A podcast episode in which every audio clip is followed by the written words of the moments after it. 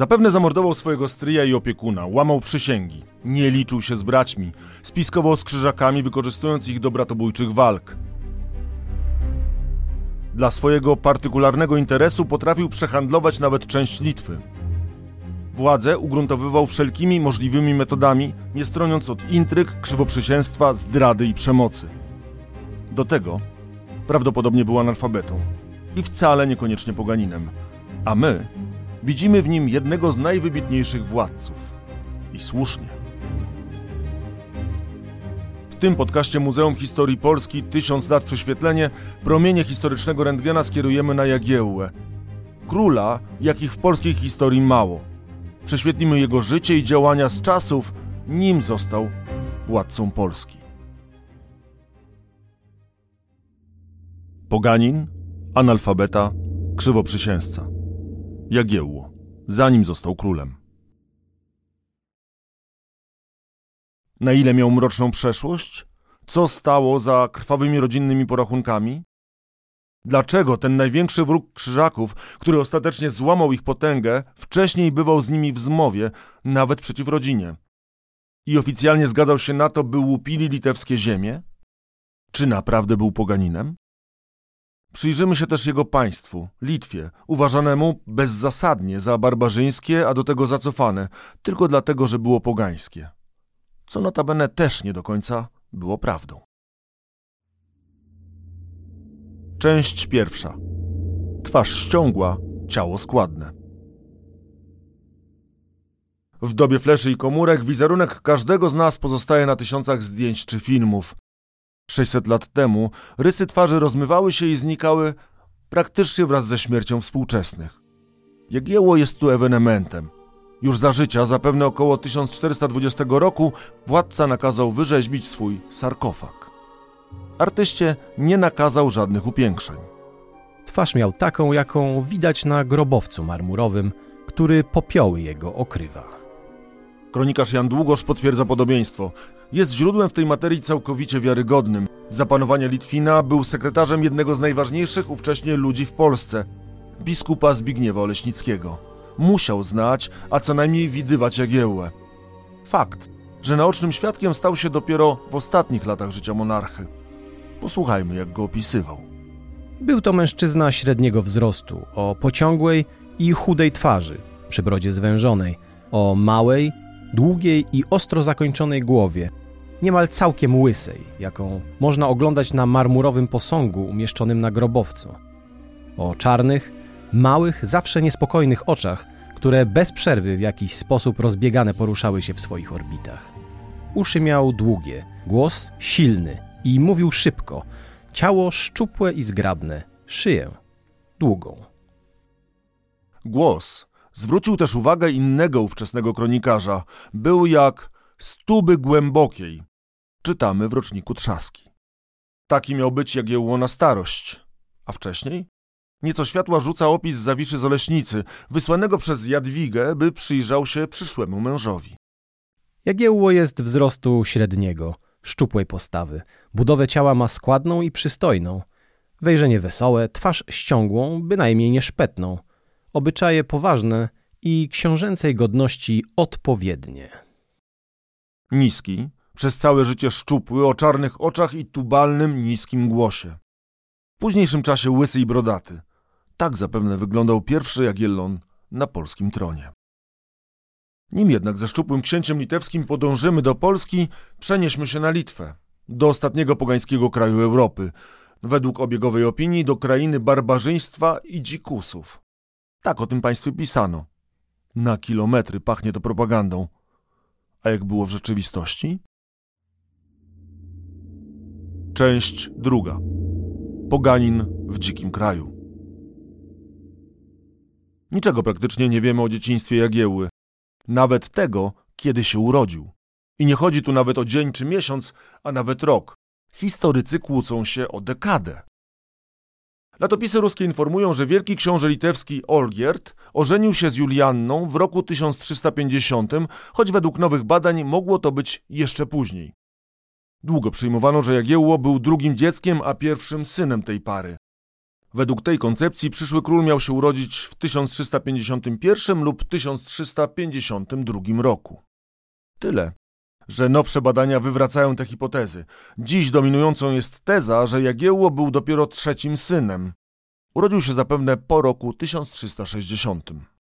Książę Jagiełło po ojca zgonie był nader młody.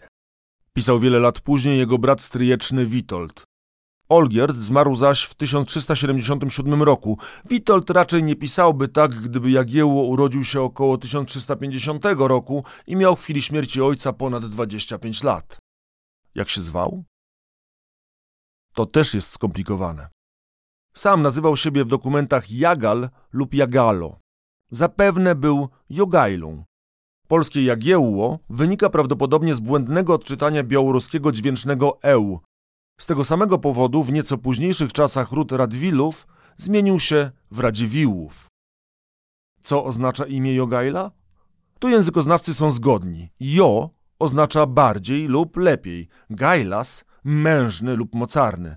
Jogajla da się przetłumaczyć jako mężniejszy lub mocniejszy.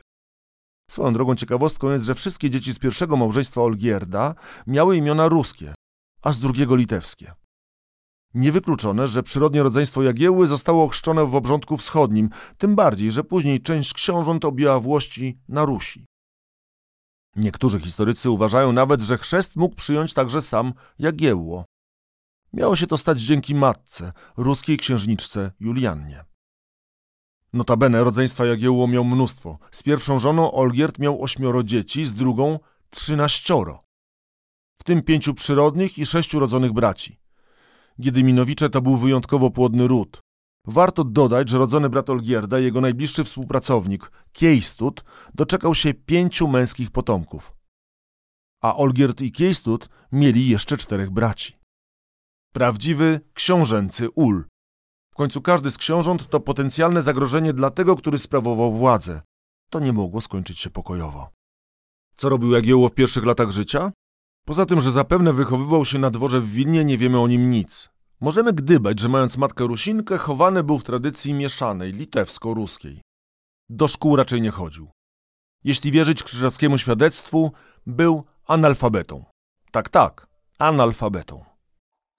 Nie umie czytać ani pisać. Musi słuchać, co mu przeczytają. Pisał dużo później krzyżacki komtur i chyba nie po to, by budować czarną legendę króla. Dziś trudno to rozsądzić. W powodzi dokumentów dworskich trudno wyobrazić sobie, by nie umiał czytać. Być może natomiast nie pisał. Od tego miał skrybów. Jak doszło do tego, że to Jagiełło został mianowany następcą Olgierda, to w sumie też tajemnicza historia. Wiemy już, że nie zdecydowało tu pierworództwo. Jagiełło był młodszy nie tylko od synów pierwszej żony Olgierda, ale też zapewne od świdr Giełły i korybuta Dymitra. Być może rację ma Długosz, który tłumaczy wszystko ojcowską miłością. Olgierd swego syna Jagiełłę, jak gdyby go miał jedynaka, nie dbając o innych, więcej niż ojcowską kochał miłością. Nastolatek zasiada więc na wielkoksiążęcym tronie. Na chybotliwym krześle. Ojciec nie pozostawia go samego. Tak naprawdę wszystkie karty są teraz w rękach stryja, Kistuta. I tak, moszczącego się na siedlisku, zostawmy Jagiełłę na chwilę. Nim wejdziemy w meandry polityczne Litwy, rzućmy okiem na to państwo. A jest to państwo olbrzymie. Jego obszar wynosił około 900 tysięcy kilometrów kwadratowych. Była więc Litwa ponad trzy razy większa niż ówczesna Polska. Tyle, że Litwini zamieszkiwali ledwie jedną dziesiątą swojego kraju. Pozostałe ziemie zasiedlone były przez Rusinów. Z około dwóch miliona mieszkańców jedynie 300 tysięcy było Litwinami. Swoją potęgę zawdzięczali Litwini podbojom z ostatnich kilkudziesięciu lat. Państwo zaczęło rozrastać się nieco ponad wiek wcześniej, gdy niezależne księstwa zjednoczył Mendok. Przodkowie Jagieły przejęli władzę na początku XIV wieku. Odtąd kraj błyskawicznie poszerzał terytorium. Dziad, ojciec i stryj Jagiełły podbili duże tereny księstw ruskich. Nad państwem od północy rozciągał się natomiast ponury cień. Połączone państwo zakonne. Krzyżacy, którzy już na dobre rozgościli się na terenach podbitych Prus i kawalerowie mieczowi z Inflant. Ostatnie pogańskie państwo Europy dla zakonników było zarówno usprawiedliwieniem istnienia, jak i pretekstem do najazdów, bo urządzano je pod płaszczykiem religijnych krucjat. Zakonnicy marzyli też o połączeniu obu ziem, które oddzielała jedynie litewska Żmudź. Ta nadmorska część państwa to klucz do zrozumienia wielu krzyżackich działań. Zacofany pogański kraj to mit, który przez wieki panował w historiografii. Mit powstały zresztą już po tym, jak Litwa stała się krajem chrześcijańskim. Skąd się wziął? O tym dr Tomasz Borowski z Muzeum Historii Polski nie było w interesie Krzyżaków pokazywać to jako kraj, jako kraj prymitywny, zacofany, raczej jako kraj groźny, stanowiący zagrożenie dla chrześcijańskiego świata. Więc w narracji krzyżackiej Litwa jest, jest, jest niebezpieczna, jest agresywna, wroga, świat, stanowi wręcz zagrożenie dla całego chrześcijańskiego świata taka wizja, że Litwa jest zacofana, że jest, że jest krajem prymitywnym, raczej jest odrobinę późniejszą narracją, po prostu chrześcijańską, która powstała już po chrystianizacji Litwy, kiedy zachodnia Europa musiała podjąć, w dużej mierze Polska, a ale szerzej e, e, misjonarze, zakonnicy podjąć e, próbę modernizacji Litwy, przemian litewskich. Do tego ten mit powstał, mit o zacofanej pogańskiej Litwie, powstał w czasach nowożytnych, które w ogóle miały bardzo intelektualiści myśleli w taki sposób kolonialny, gdzie generalnie im dalej od centrum zachodniej Europy, tym kraje były coraz bardziej zacofane. Takim prostym przykładem, który to ilustruje, jest terminologia władzy. Litwa była rządzona przez księcia, książę z założenia jest niżej od króla, król jest z założenia niżej od cesarza. To jest zachodnia, hierarchizująca perspektywa, w której Litwa musiała być niżej od królestw. Sami Litwini zupełnie ją odrzucali. Władcy nazywali siebie królami. Rozmawiając z cesarzem, e, nazywali sami siebie Basileus, czyli tak jakby cesarzem Rusi, cesarzem, cesarzem Litw. A zatem sami litewscy władcy widzieli się, siebie jako władców równych najważniejszym chrześcijańskim władcom Zdecydowanie państwo, którym rządzili, byli, było większe i sprawniejsze niż wiele zachodnich królestw. Na przykład władcy litewscy prowadzili, mieli własną kancelarię w taki sam sposób jak władcy e, chrześcijańscy, e, pisali korespondencję i mieli dość dobrą wiedzę na temat polityki zachodnioeuropejskiej oraz polityki wschodniej Europy. Pisali listę zarówno do Hanów tatarskich, do Hanów mongolskich, do patriarchy Konstantynopola, do cesarza Konstantynopola. Także sam rozmiar tego państwa wymagał e, sprawnej logistyki. Do tego na terenie samej Litwy działały sprawne i stare e, centra kulturalne prawosławne biskupstwa w, w Czernichowie, w Połocku, w Witebsku, w Wilnie, pogańskim Wilnie działały klasztory łacińskie franciszkanów i dominikanów. Jednocześnie władcy wymuszali politykę tolerancji religijnej. W sytuacji, w której łacińscy duchowni obrażali pogan, władca Litwy reagował i chronił tych pogan, ale także w drugą stronę. Władca, mimo że poganin, wstawiał, był gwarantem bezpieczeństwa zakonników, zakonników łacińskich, więc pod tym względem e, Litwa była wręcz majstersztykiem równowagi różnych sił e, chrześcijańskich, łacińskich, prawosławnych, tatarskich. Naprawdę trudno tak zorganizowany kraj nazwać krajem zacofanym. Czemu więc to państwo, nie różniące się od innych europejskich krajów, jako jedyne hołdowało pogaństwu? Przecież już legendarny jego założyciel, Mendok, był chrześcijaninem. Niektórzy synowie Olgierda też byli ochrzczeni. Do tego pozostanie przy religii przodków dawało do ręki propagandową broń wielkiemu wrogowi krzyżakom. Otóż w ten sposób łatwiej było zapanować nad olbrzymim krajem, tłumaczy dr Tomasz Borowski. Nie będąc chrześcijanami, władcy litewscy mieli dużo więcej swobody w, kreo- w kreowaniu swojej polityki, zarówno względem Tatarów, którzy też byli poganami, a warto pamiętać o tym, bo Tatarzy ciągle, czy, czy Mongołowie ciągle w XIII-XIV wieku są dominującą siłą w Europie Środkowej, więc, więc kontakt z nimi, akurat tutaj bycie poganinem było wręcz atutem, bo mieli mniej skrępowane ręce. Do tego Litwa była krajem ogromnie różnorodnym, właśnie od pogańskiej Oksztoty po prawosławną Ruś. Jako poganie byli w stanie rozgrywać te różnice, e, różnice pomiędzy różnymi regionami i utrzymywać jedność kraju. Do tego mieli wielożeństwo, dzięki czemu mogli zawierać kilka małżeństw dynastycznych naraz. To było, to, to, to było, mm, pomagało utrzymać tak różnorodny kraj i rozgrywać obietnicą chrztu. Bardzo wielu ich synów e, i córek, e, Aldona, królowa Polski, przyjmowała chrzest, co ułatwiało małżeństwa dynastyczne i, i, politykę. Więc przyjęcie chrztu było bardzo ryzykowne, ponieważ zagrażało spójności tak ogromnego kraju i przyjmując chrzest podejmowali ogromne ryzyko. Być może nie mieli wyboru, ale to była trudna, ryzykowna decyzja. Pogaństwo dobrze służyło Litwie. Zasiadając na tronie, młodzieniec jednego mógł być pewny. Dużo osób będzie czyhało na każde jego potknięcie. To olbrzymie państwo było tak naprawdę zlepkiem litewskich dzielnic i nie do końca zależnych księstw ruskich. Miał jednak szczęście nieletni zapewne Jagiełło, bo stryj Kiejstud, najważniejsza w tym czasie osoba w Litwie, całym sercem poparł bratanka. Co nawiasem mówiąc, przypłacił życiem. Ojciec nasz, książę Kiejstud, miał tę władzę, gdyby był chciał, żeby Wilno zajął, a księciu Jagielle byłby nadał jakie księstwo, gdzieby chciał. Ale dla miłości najstarszego brata swego osadził księcia Jagiełłę na grodzie wileńskim i opiekował się nim na wszystkie strony, dopóki nie wyrósł i póki ludzie do niego nie przywykli. Pisał syn i dziedzic księcia Trockiego Witold. Warto dodać, że też przez sentyment wybrany z pominięciem starszeństwa. Kiejstud był szarą eminencją, ale jednocześnie podwładnym bratanka. Kochał go rzeczony stryj Kiejstud z tą samą jak dla ojca jego Olgierda czcią i uległością bywał na jego dworze. Uczestniczył obradom i wierną był mu pomocą w rządzie, popierając dobro i pomyślność państwa. Ale tę szczerą jego przychylność odpłacono najczarniejszą niewdzięcznością. Podsumowywał długoż. Nie ma czasu Jagiełło, by dobrze urządzić się w Wilnie. Starsi, przyrodni bracia, osadzeni na Rusi, otwarcie mu bróżdżą. Musi więc młody władca wraz ze stryjem niemal od razu przystąpić do porządków. Nawiasem mówiąc, nie tylko rodzina próbuje wykorzystać zamieszanie. Na Ruś rusza też wyprawa polsko-węgierska. Zaatakowani bracia Jagiełły poddają się praktycznie bez walki, uznając się za lenników Ludwika Andegoweńskiego. Pierwszą akcję zbrojną Jagiełło podjął w 1377 roku przeciwko najstarszemu synowi Olgierda, a swojemu bratu przyrodniemu, który rządził w Połocku. Wyprawa okazała się sukcesem. Andrzej Garbaty został wypędzony i zbiegł do Moskwy pod opiekę księcia Dymitra. Dymitr tylko na to czeka. Rok później wraz z Garbatym i kilku innymi zbuntowanymi braćmi najeżdża Litwę. Zaczyna się pierwszy wielki kryzys. Jagiełło traci Wołyń, Podole i Siewierszczyznę. Na pochyłe drzewo wskakują też rycerze zakonni. Rok po roku pustoszą Żmudź i Litwę. Raz nawet wybrali się na samo Wilno. Szczęśliwie dla Jagiełły pobłądzili. Część trzecia. Układy i zdrady.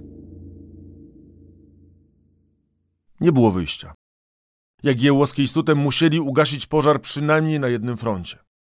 To właśnie w tym momencie zaczyna pękać, wydawałoby się, nierozerwalna więź stryja z bratankiem. Pierwszy układ spisany zostaje pod dyktando Kiejstuta, choć w obecności Jagiełły.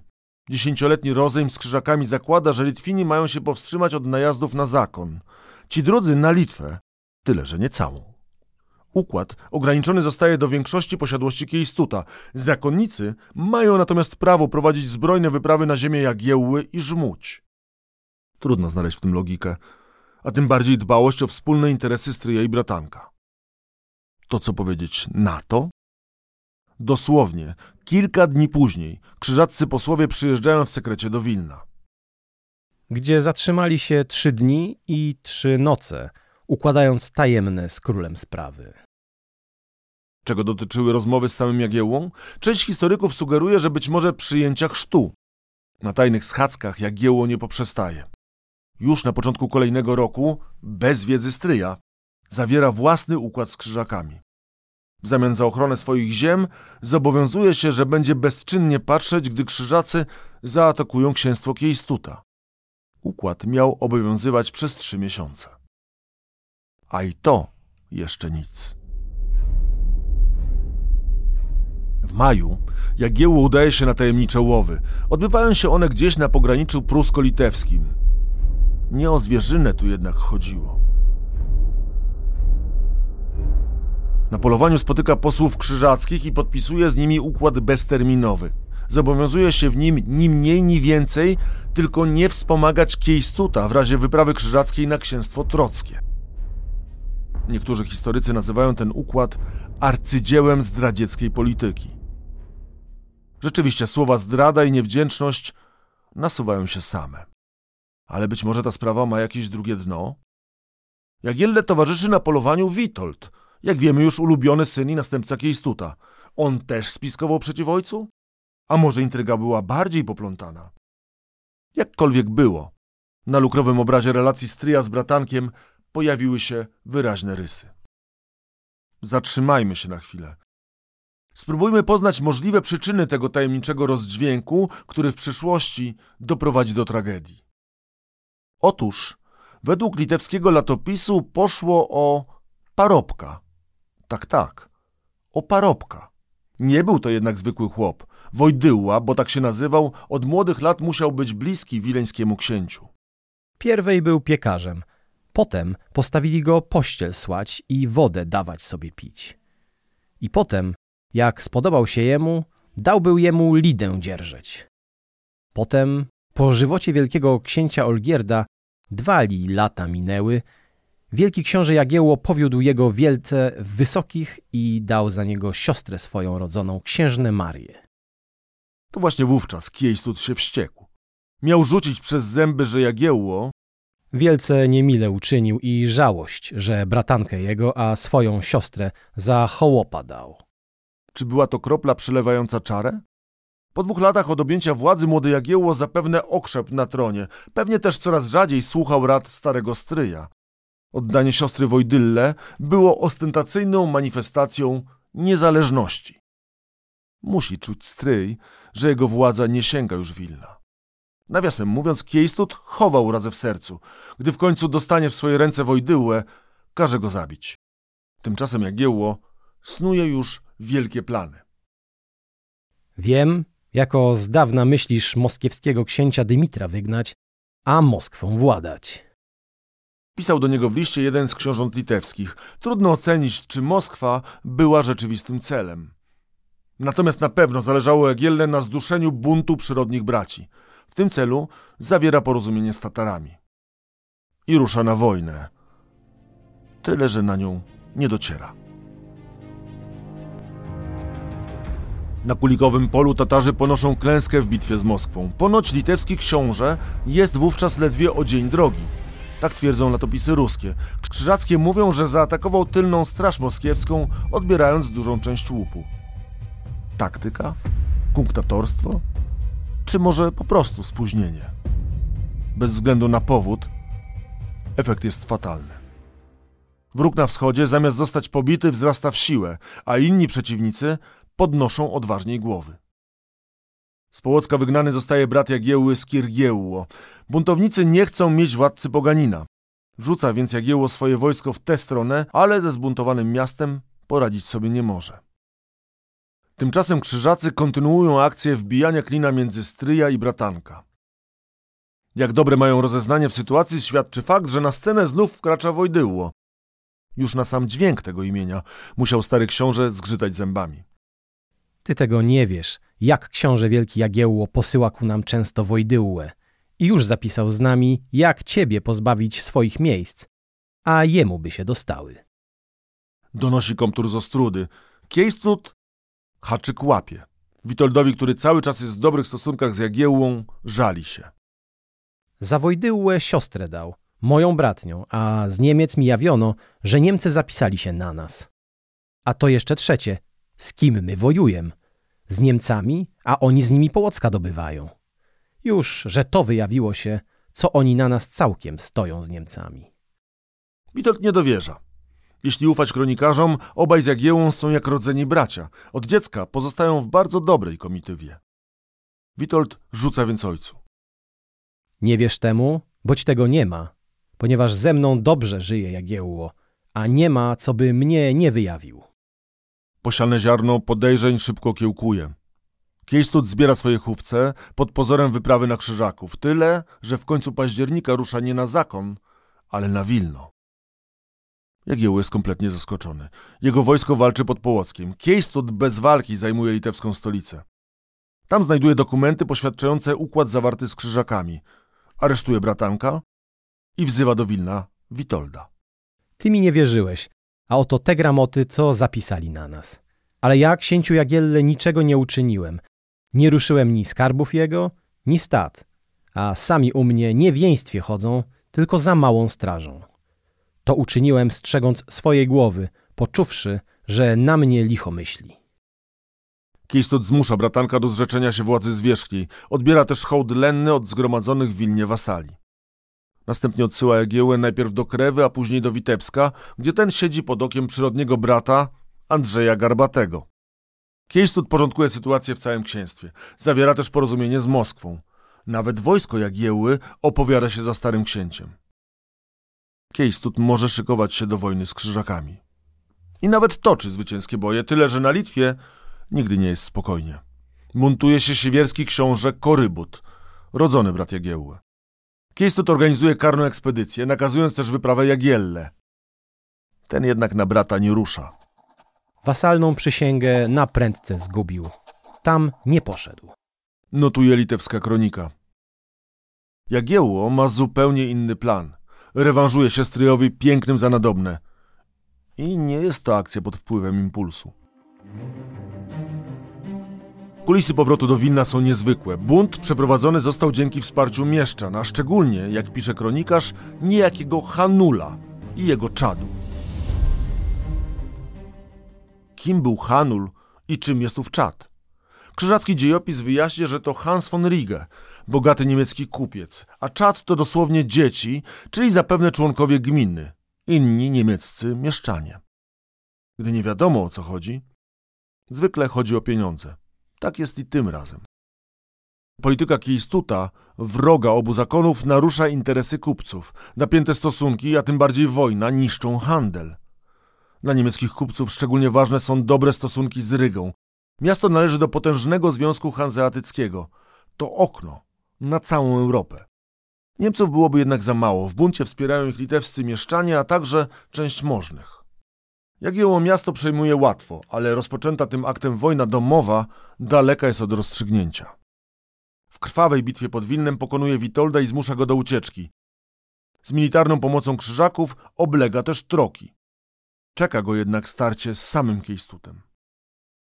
Niełatwo jest znaleźć usprawiedliwienie dla Jagiełły, jeśli chodzi o kolejne wydarzenia. Wojska Stryja i Bratanka stają naprzeciw siebie 3 sierpnia 1382 roku.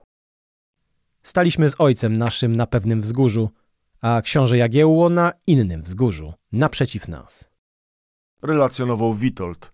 Jagiełło miał dużą przewagę, ale nie chciał rozlewu krwi. Do obozu stryja wysłał brata Skirgiełłę, który... Zaczął wołać po imieniu na naszego ojca, że ułożymy się zgodnie. I dał książę Skirgiełło ojcu mojemu poręczenie od księcia Jagiełły. A ojciec nasz im zaufał, i ja też. I zjechaliśmy się konno z księciem Jagiełłą na ich poręczenie i ich podanie ręki. Książęta pojechali razem do Wilna. Tam Jagiełło nagle zmienia front. Zakuwa Kiejstuta w kajdany, zsyła do zamku w Krewie i osadza w wieży. A pięć dni później Kiejstut nie żyje. Jaką śmiercią zmarł, tego nikt nie wie. Zapisał niemiecki kronikarz Wigand. Inni, zbliżeni do tych wydarzeń kronikarze, nie mają jednak wątpliwości. Piątej nocy księcia wielkiego Kiejstuta zadusili komornicy wielkiego księcia Jagiełły. Kolejni wspominają, że wielki książę popełnił samobójstwo. Choć stuprocentowej pewności co do tego, czy Jagiełło zlecił zabójstwo stryja, nie ma, to jednak wina za śmierć Kiejstuta w całości spada na Jagiełłę. Śmierć tę poprzedziła przecież zdrada i krzywoprzysięstwo. I to wobec brata oraz najbliższego towarzysza ojca, wobec opiekuna, który osadził i utrzymał Jagiełłę na tronie. Czy Jagiełło miałby coś na swoją obronę? To kolejne pytanie do doktora Tomasza Borowskiego z Muzeum Historii Polski. Myślę, że takim podstawowym pytaniem jest to, czy w ogóle Jagiełło potrzebuje usprawiedliwienia.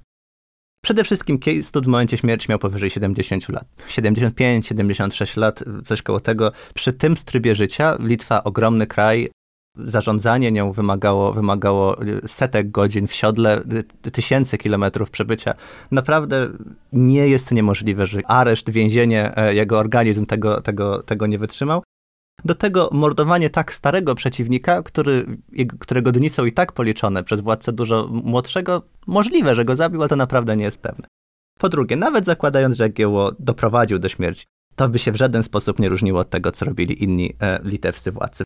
Mordowanie przeciwników, e, członków swojej rodziny, którzy w przeszłości byli twoimi sojusznikami w kulturze, nazwijmy to w kulturze politycznej Litwy, absolutnie nie było niczym wyjątkowym i zresztą relacje z Witoldem później to pokazują. Trudno uznać, żeby, żeby tam był jakiś emocjonalny spór. Znaczy Witold też uznawał, że to są narzędzia polityki i później, kiedy w jego interesie było zawrzeć sojusz e, z Jagiełłą, na szczęście dla Polski, nie wahał się.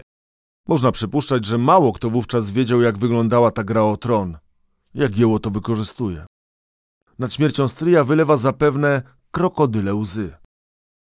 Zwłoki Kiejstuta sprowadza do Wilna i urządza mu wielki, uroczysty pogrzeb. Na stos całopalny razem z ciałem księcia trafiają jego konie, psy i sokoły. Z drugiej strony rodzinę Kiejstuta Jagiełło trzyma pod kluczem z Witoldem na czele, nie bacząc na przyjaźń. Odmawia mu też zwrotu ojcowizny, księstwa Trockiego. Te dni to punkt zwrotny w relacji stryjecznych braci. Ta relacja zaciąży nie tylko na historii Litwy, ale też później na dziejach Polski. Ich ścieżki przez wiele lat to będą się rozchodzić, to znów zbliżać. Jak się po latach okaże, jednak dopiero braterski sojusz poprowadzi ich do naprawdę wielkich czynów. Obaj zbiorą od potomnych skrajne oceny, w zależności od tego, po której stronie, litewskiej czy polskiej, wydawane będą opinie. Obaj, Witold i Jagiełło, mają cechę wspólną. Nie poddają się, nawet w najtrudniejszej sytuacji. Witold w kobiecym stroju wymyka się z zamku w Krewie. Ucieka najpierw na Mazowsze. Mąż jego siostry schronienia mu udziela, ale pomocy już nie. Nie ma w tym interesu. Korzystając z zamieszania na Litwie, zajął Podole i nie zamierza go oddawać. Po sojusznika, choćby do piekła. Pierwszy raz Witold wkracza więc na drogę, którą później wybierze i on, i inni Giedyminowicze. Jedzie do Krzyżaków. Witold przysięga służyć zakonowi. Zakonowi, który w ciągu ostatnich 40 lat przeprowadził niemal 100 morderczych najazdów na litewskie ziemie. Ówczesny marszałek i późniejszy wielki mistrz Konrad Wallenrod zauważa kwaśno. Czemuś ty wcześniej nie przybyłeś, gdy posiadałeś gród Wilno, nie zaś teraz, gdy nie masz ani ludzi, ani ziemi. Okazji, która sama się trafia, nie zamierza jednak przepuścić. Wojna domowa i walka bratobójcza znów wisi nad Litwą. I nie tylko wisi. Część czwarta. O krok od upadku.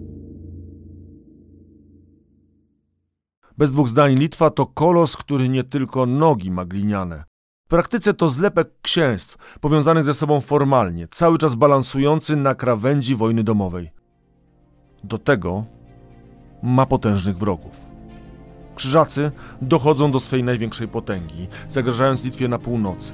Łakomie patrzą na żmudź, której zajęcie pozwoliłoby połączyć Prusy i Inflanty, a państwo zakonne w jeden organizm. Na wschodzie obrasta w siłę państwo moskiewskie, a Unia polsko-węgierska porządliwie patrzy na kolejne księstwa ruskie. Nawet książę Mazowiecki, korzystając z zamieszania, przywłaszcza sobie część terenów należących do Litwy. Do tego jest jeszcze Witold pałający rządzą zemsty, za śmierć ojca, zdradzone braterskie uczucia i pozbawienie władzy oraz należnego mu księstwa. Sytuacja Jagiełły jest krytyczna. Jego wileński tron to niewygodny fotel, ale raczej beczka prochu z podpalonym lądem. Nie ma wyjścia. Musi podjąć działania dla dumnego księcia uwłaczające. Trybem wszystkich upadających państw wstąpiła Litwa w przymusową spółkę wojny i pokoju, z wrogiem śmiertelnym. Tak o tym pisze XIX-wieczny historyk Karol Szajnocha. Znów pertraktuje Jagiełło z krzyżakami, ale pozycję ma wyjątkowo słabą. Zakon wykorzystuje to bezwzględnie. Zmusza Jagiełłę do przyjęcia upokarzających warunków. Zapominając wszak o towarzyszącej negocjacjom starej prawdzie. Poniżony i przyparty do muru przeciwnik może być szczególnie groźny. Jeszcze groźniejszy jest przeciwnik, który traktuje układy jak partię szachów, tym bardziej, że tylko udaje, iż respektuje jej zasady. Na razie na wyspie ujścia rzeki Dubissy do Niemna krzyżacy dyktują drakońskie warunki. Jagiełło ma dotrzymać czteroletniego rozejmu, a do tego wspierać zakon we wszystkich zbrojnych konfliktach. Bez zezwolenia krzyżaków nie wolno mu wypowiadać nikomu wojny. Do tego ma oddać im większą część żmudzi. A sam przyrzeka przyjąć chrzest wraz z całą Litwą. Krzyżacy triumfują, nie zauważając, że dali się złapać na haczyk. Jagiełło odkłada przywieszenie pieczęci pod dokumentami. Inaczej mówiąc, zobowiązań nie ratyfikuje. Co to oznacza w praktyce? Posłuchajmy fragmentu biografii Jagieły autorstwa Jadwigi Krzyżaniakowej i Jerzego Ochmańskiego. Stąd też w stosunkach litewsko-krzyżackich wytworzy się paradoksalna sytuacja. Jagiełło z całą świadomością będzie naruszał i łamał zawarty traktat, a zakon, zepchnięty do dyplomatycznej pułapki, będzie zabiegał o poszanowanie osiągniętego nad Dubissą porozumienia. Rok 1382. To dla Litwy rok przełomowy. Wiatr historii przerodził się w prawdziwy tajfun, co chwila przynosząc nowe wiadomości. W sierpniu ginie Kiejstut, a Witold trafia do więzienia. We wrześniu umiera król Polski i Węgier, Ludwik Andegaweński, a bracia Jagiełły, dotąd schołdowani lennicy, podnoszą głowę i występują zbrojnie przeciwko koronie. Odzyskują nawet kilka grodów. O wsparcie proszą oczywiście w Wilnie. Do tego zmienia się sytuacja na wschodzie. Tatarzy, pałający rządzą zemsty za klęskę na Kulikowym Polu, najeżdżają państwo moskiewskie, a nawet pustoszą samą stolicę. Metropolita Cyprian, który nie tak dawno przeniósł się do Moskwy, pospiesznie pakuje manatki i wraca do Kijowa, czyli pod władzę Litwinów. Krzyżacy, pewni swej siły, naciskają na Jagiełłę, lecz nieoczekiwanie napotykają na zdecydowany opór. Wileński książę ani myśli wywiązać się z zobowiązań. Rycerze zakonnicy pod koniec roku złowieszczo informują o przybyciu na ich ziemię Witolda. Dyplomatycznym należy chyba nazwać pytanie o to, czy Jagiełło nie oddałby bratu stryjecznemu troków, czyli jego ojcowizny. Jagiełło odpowiada z początkiem nowego roku. Pisze, że nie chce hodować serpentem insinum, węża na swoim łonie. Braciom stryjecznym zawierzyć bowiem nie może. Nie tylko wtedy okazuje niezależność. W marcu, wbrew układowi z krzyżakami, wszczyna wojnę z księciem Mazowsza i odzyskuje m.in. Drohiczyn. Wszystko to są mu w stanie wybaczyć krzyżacy pod warunkiem, że wreszcie Jagiełło ukorzy się przed zakonem. To wymagało nowego zjazdu. Jagiełło kluczy, przekłada terminy, wreszcie w lipcu przybywa nad Dubisę w otoczeniu rodziny, ale też z pokaźnym oddziałem wojska. Wielki mistrz zaprasza go do siebie ale Jagiełło się wykręca. Przekazuje, że on to by nawet chętnie przyjechał, ale jego doradcy się nie zgadzają. Upokarzający układ sprzed pół roku właśnie traci ważność. Krzyżacy nie mają wyjścia. Wypowiadają Jagielle wojnę. Jakie wydarzenia sprawiły, że wielki książę litewski tak schardział? Wielkie zmiany za granicami to tylko część odpowiedzi. Zapewne chodziło o coś więcej. W przepasnych moskiewskich archiwach nie tak dawno odkryto nieznane dotąd chramoty, czyli dokumenty, a właściwie ich odpisy z XVII wieku. Wynika z nich, że Jagiełło spisał z kniaziem moskiewskim Dymitrem dokończanie, co w języku urzędowym oznaczało układ pokojowy. W innym dokumencie pojawia się informacja, że układ, który zawarli też bracia Jagiełły, został potwierdzony uroczystym całowaniem krzyża, co było ruskim zwyczajem. Nie wdając się w szczegóły datacji, należy to porozumienie umieścić gdzieś między 1383 a 1384 rokiem.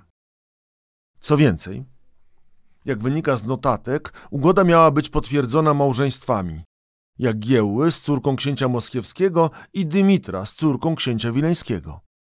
Do tego litewski władca zobowiązał się przyjąć chrzest, a także ochrzcić swój lud w obrządku prawosławnym. To Nawiasem mówiąc, wywraca zapewne stare tezy na temat wcześniejszego chrztu Jagieły i imienia Jakow, które miał nosić. Notabene i tego układu Jagiełło raczej nie uważał za wiążący. Dalej przecież nie znajdujemy ani słowa o wspomnianym małżeństwie czy chrzcie Litwy ze wschodu. Za to granicę wschodnią na pewien czas miał zabezpieczoną. Chrzest za to przyjął Witold.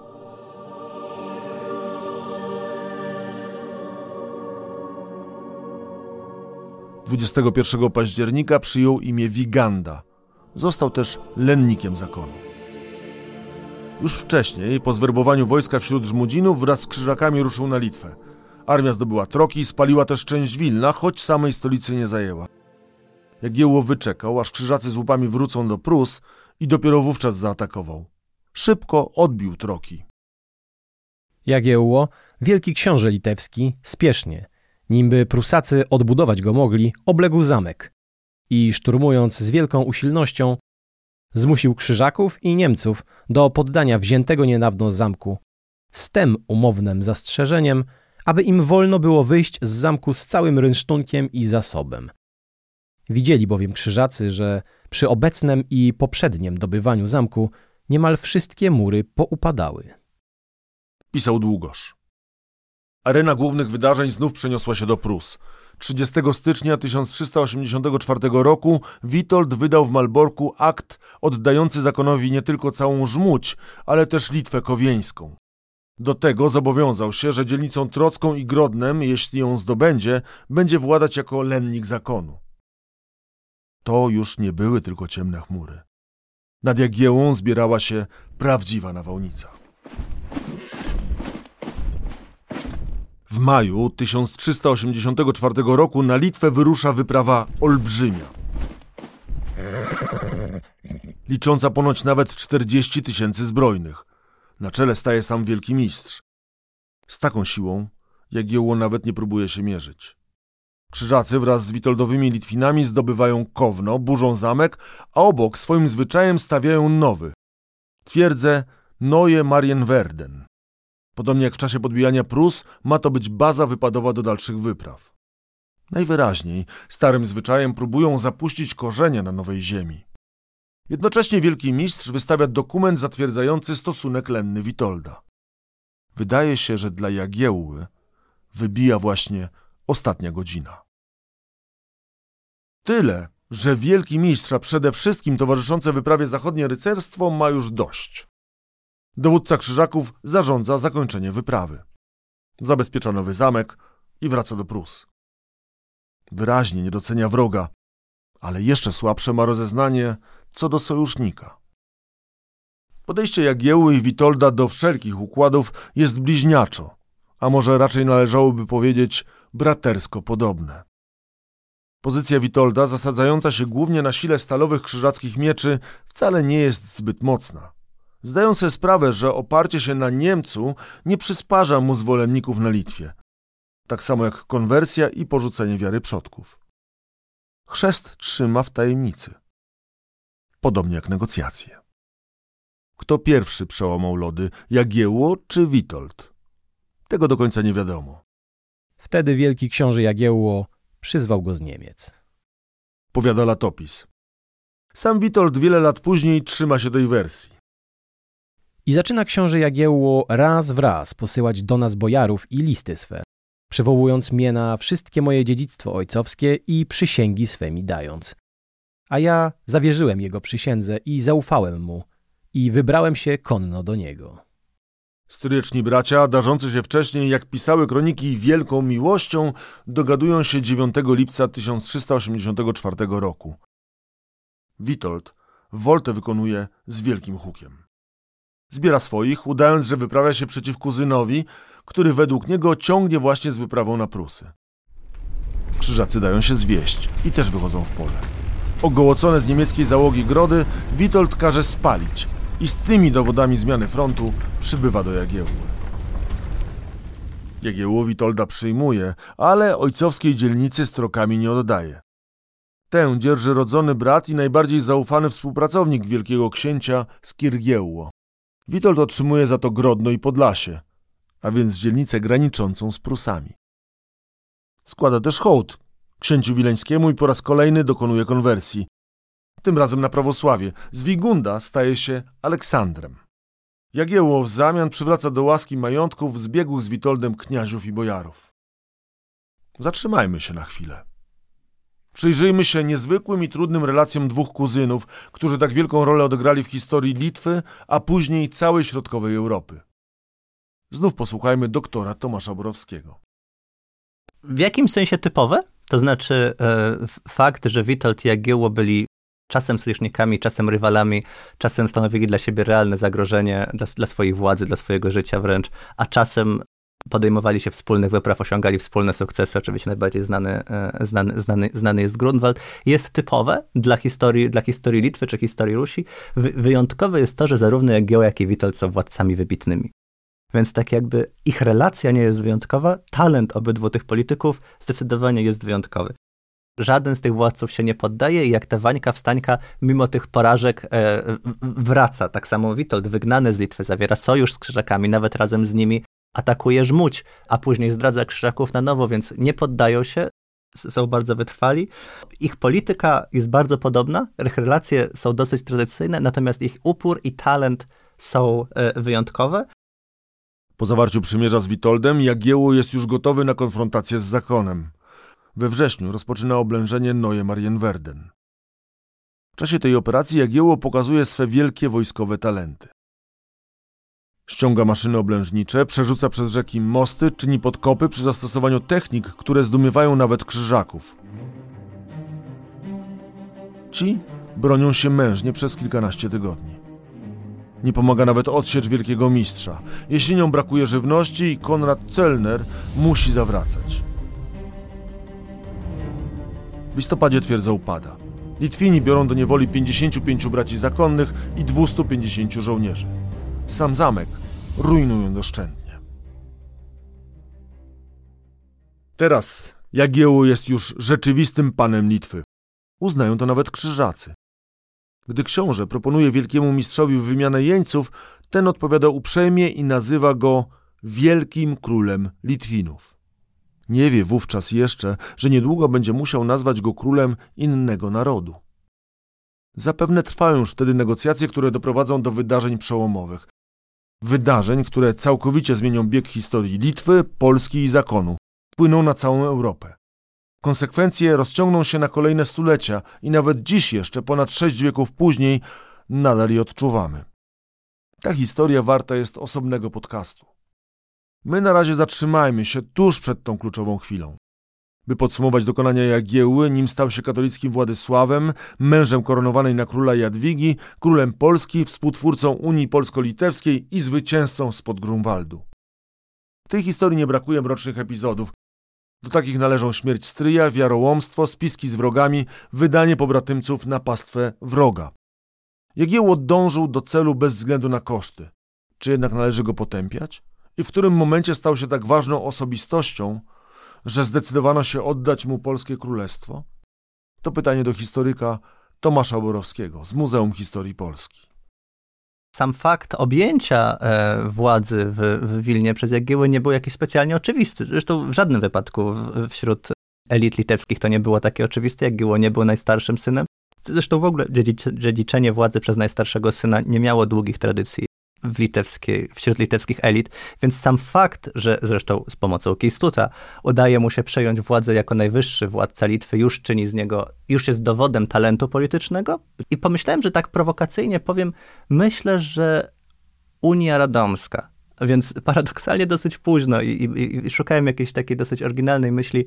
Wydaje mi się, że e, pragmatyzm w relacjach z Witoldem, to znaczy odstąpienie Litwy, e, w praktyce odstąpienie Litwy e, Witoldowi. Tak samo zresztą jak Witold, który uznaje zwierzchność Jagieły i myślę, że to jest przykład, przykład, przykład geniuszu, bo to otwiera drogę do lepszej współpracy pomiędzy tymi dwoma, dwoma krajami. Jest, więc myślę, że ta prawdziwa wielkość paradoksalnie pojawia się dopiero po Unii w Krewie.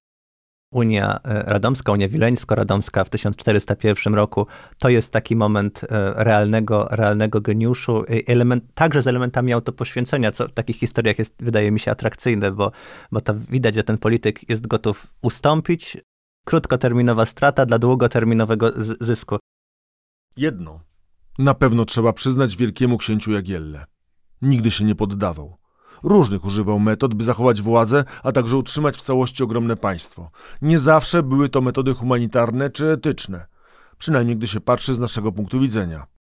Warto przy tym zauważyć, że jeśli czymś się wyróżniał na tle współczesnych, to raczej brakiem niż nadmiarem okrucieństwa. Umiał też pogodzić się ze swoimi największymi wrogami, gdy tego wymagał interes jego kraju. I na koniec był władcą skutecznym. Choć wydawało się, że jego władztwo musi się rozpaść, utrzymał je w całości, a potem, po zawarciu Unii z Polską, skierował oba kraje na drogę ku wielkiemu mocarstwu europejskiemu. No i zdruzgotał krzyżaków pod Grunwaldem, o czym zresztą w kolejnym podcaście.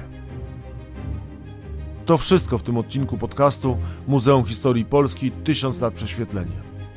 Do usłyszenia, mam nadzieję, mówi Łukasz Starowiejski.